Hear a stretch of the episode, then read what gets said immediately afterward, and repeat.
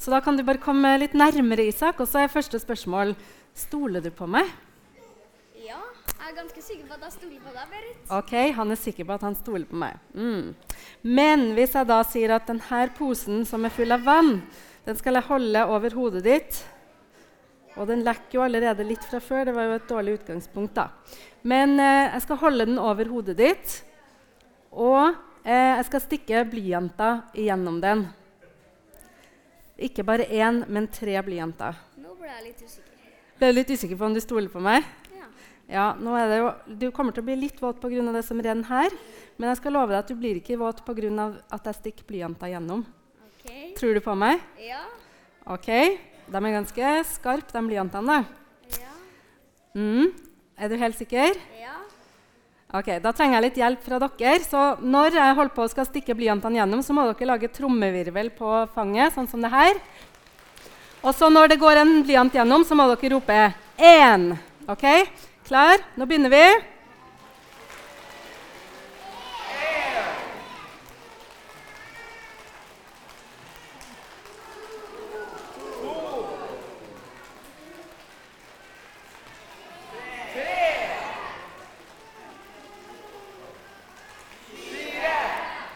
Oh, se opp. Ble du våt? Nei. Nei, du fikk én dråpe her, da, men det gikk bra. Ja. Ja, Tusen takk for at du ble med, Isak.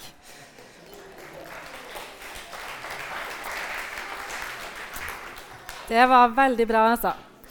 Eh, vi skal jo snakke om å stole på Gud. Og det å stole på noen, det betyr at man tror på at det de sier, er sant. Og nå stolte jo Isak på at jeg sa sannheten om at han ikke kom til å bli våt. Og det er sikkert noen her som har opplevd at noen har lovt noe og sagt at de skal gjøre noe, og så har de ikke gjort det likevel. Kanskje har de ikke hatt tid, eller kanskje har de ikke fått det til. Og kanskje har også mange her lovt at de skal gjøre ting, og så har de av forskjellige grunner ikke fått det til. Men Gud han har lovd oss mange ting. Eh, og I Bibelen så står det at Gud han kan ikke lyge. Og han holder alltid det han lover. Å stole på Gud betyr å, å tro på at det han sier om seg sjøl og om deg og om verden, er sant. Og I Bibelen så står det flere ting som eh, Gud har lovt oss. Han har eh, sagt at han, han har en plan for akkurat deg, og at akkurat du skulle bli født. Du er viktig, og han har en tanke og en plan for akkurat deg.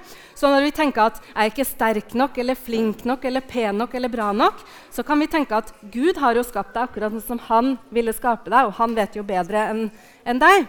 Og så kan vi tenke at da må jeg være ganske bra likevel. Han har også lovt at han skal være med oss. Vær sterk og modig, vær ikke redd og skremt, for Herren din Gud skal være med deg overalt hvor du går. Han har sagt at han er glad i oss uansett hvor vi går. Det er hva vi gjør. Med evig kjærlighet har jeg elsket deg. Evig kjærlighet det betyr jo at vi kan gjøre alt galt, og likevel så er Gud glad i oss. Han har lovt at han alltid skal være sammen med oss og ikke dra fra oss. Og se, jeg er med dere alle dager inn til verdens ende. Det sa Jesus.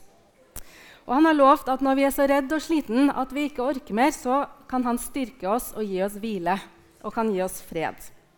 Så han har lovt at han har gode tanker for deg, og han har en plan for livet ditt. Han er glad i deg, han skal være sammen med deg og aldri forlate deg. Og han skal eh, styrke oss når vi har fått mer enn det vi tror at vi klarer. Og pga. de tingene så trenger vi egentlig ikke å være redd og bekymra. Eh, nå skal jeg fortelle en historie om en som stolte veldig mye på de her tingene som Gud hadde lovt. og Han het Daniel. Og Da trenger jeg hjelp av fire barn som kan komme opp og hjelpe meg å fortelle den historien. Eh, man skal ikke gjøre så mye annet enn at bare holde litt ting og gå dit jeg sier. Er det noen som har lyst? Ja, Isak, du kan komme opp. Og det var mange barn på første rad som ville her. Da kan eh, Natalie få komme. Og så eh, Elisabeth. og Philip. Ok. Her er altså en eh, I tilfelle dere lurte, så er det her en løvehule. Inni her. Det er litt skumle, skumle greier. Um, Daniel han ble, når han ble ganske ung, sendt bort fra landet som han eh, bodde i, bort fra familien sin til et fremmed land, der han skulle jobbe for kongen. Selv om Daniel var i et land der ingen andre trodde på Gud, så bestemte han seg tidlig for at han hadde lyst til å, stole, å tro på Gud, selv om de andre i landet ikke gjorde det.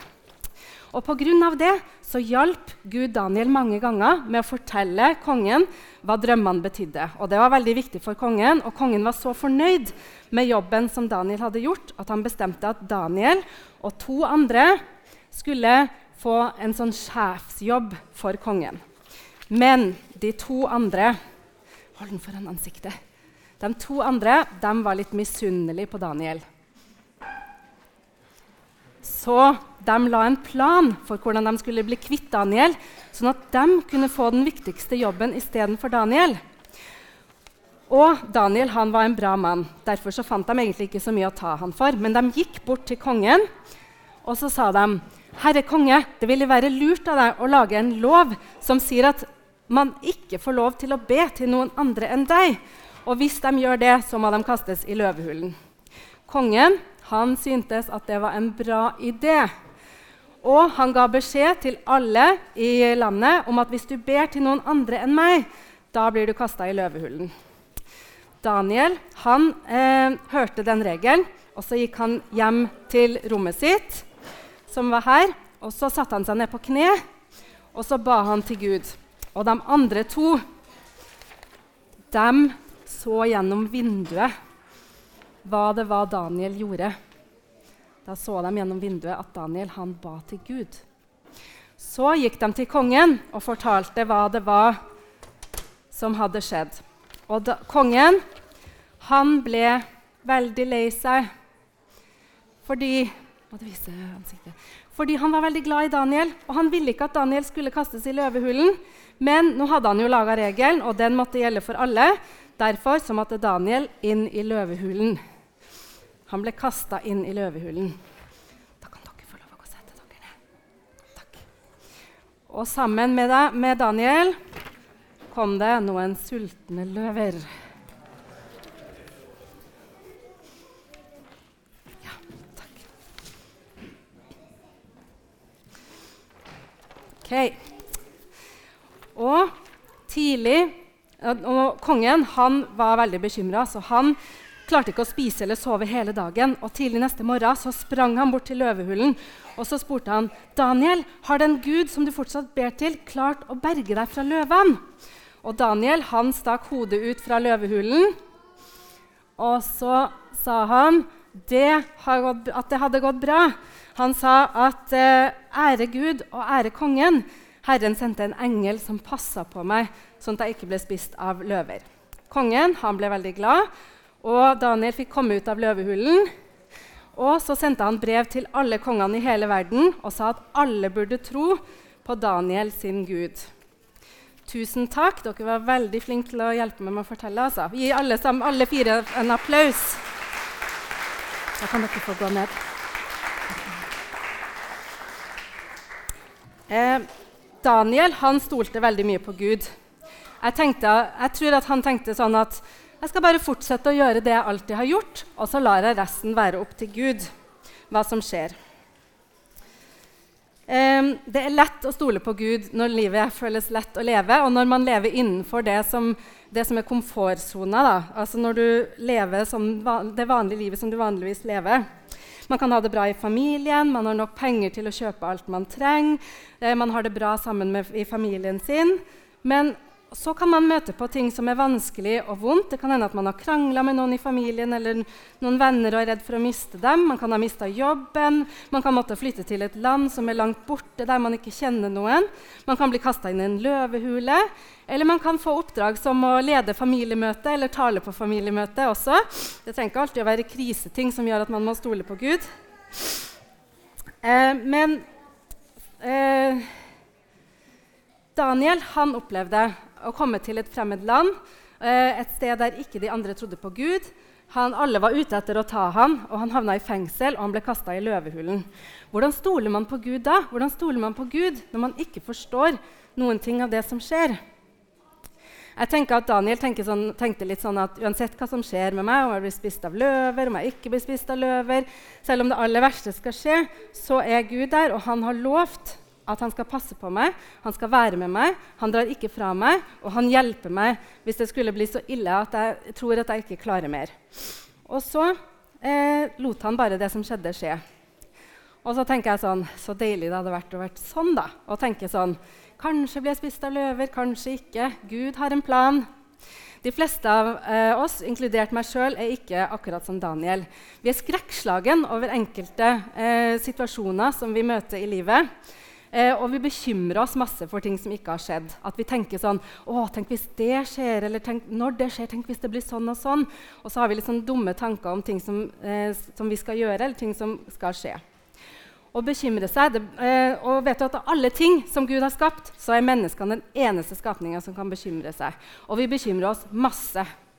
Barn bekymrer seg for eh, å passe inn på skolen og få venner og er redd for å miste vennene sine. De bekymrer seg for om de er gode nok til å fortsette på fotballaget og gruer seg kanskje til den neste forestillinga de skal synge eller danse eller spille i. Eldre barn bekymrer seg for om de får gode karakterer, og hva som skjer hvis de ikke får det. Og passe inn på skolen og være bra nok og god nok, og hva som skjer på sosiale medier. Og vet dere at Vi voksne vi bekymrer oss også. Vi er mestere i å bekymre oss. Vi bekymrer oss for, eh, for eh, bilen, for jobben, for penger, for å fikse ødelagte ting i huset. Og det vi bekymrer oss aller mest for, det er barn. Ungene våre bekymrer oss mer enn noe annet, og særlig når de blir store nok til å ta sine egne valg. Gud vil at vi skal gi han alle disse tingene, at vi skal snakke med han om hvordan vi har det, og stole på at han kan hjelpe oss, og at han kan gi oss fred. Eh, så om du bekymrer deg for eh, eh, å få venner, eller om du bekymrer deg for hva koster det egentlig å fikse den skranglete lyden i bilen, så sier Gud, gi det til meg. Om du har krangla med en venn eller en familiemedlem, så sier Gud, 'Gi det til meg'. Eh, hvis du eh, har det vanskelig på skolen eller på jobben, så sier Gud, 'Gi det til meg'. Eh, når, fordi når vi bekymrer oss, så glemmer vi på en måte litt det som Gud har lovt oss. Og Jeg har perioder der jeg kjenner at Gud er nær, at han er til stede i livet mitt, og at han hjelper meg. Så er det også perioder der jeg går gjennom livet og ikke kjenner noe spesielt mye på at Gud er der. Eh, og hvis jeg skulle fulgt følelsene mine i valget på om jeg skulle stole på Gud eller ikke, så hadde det blitt en veldig sånn virrete affære. Det hadde, ikke, det hadde vært ganske stusslig.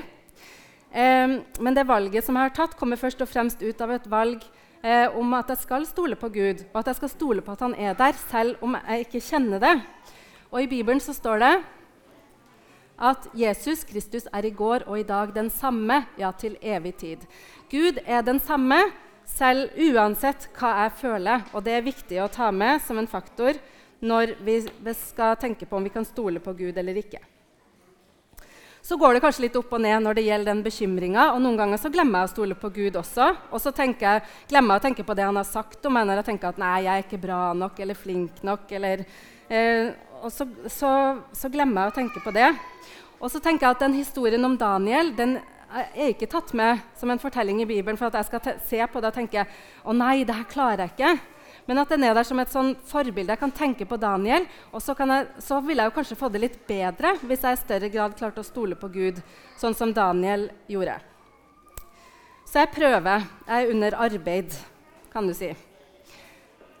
Um, her er det bilde av en bestefar og en liten gutt som er ute og går på tur i skogen.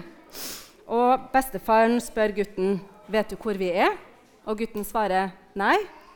Så sier bestefaren men det høres ut som du har gått deg bort. da. Og så sier gutten nei, jeg går meg jo ikke bort når jeg er sammen med deg. Og det er sånn Gud er for meg, som denne bestefaren. At selv om alt rundt meg rokkes, alt er kaos, jeg skjønner ingenting av det som skjer, eh, eh, så er jeg med Gud, og han har kontroll. Jeg er trygg når jeg er sammen med Gud, og han passer på meg. Han har sagt at jeg ikke trenger å være redd, fordi han har gode tanker om meg og han har en plan. Han er glad i meg uansett hvilke karakterer jeg har, hvor mange likes jeg har på Instagram, eller hvor bra jeg gjør det på jobben min. Han har lovt å være med meg i alle slags dager og aldri forlate meg. Og hvis ting blir så ille at jeg tenker nå orker jeg ikke mer, så har han lovt å styrke meg gjennom det. Gud, vi takker deg for at du er med oss gjennom alle dager. Vi takker deg for at du er der i vanskelige dager, og at du er der i bra dager. Og vi takker deg for at vi kan få lov til å legge alt foran deg og finne hvile i det at du kan støtte oss gjennom ting som eh, vi opplever. Amen.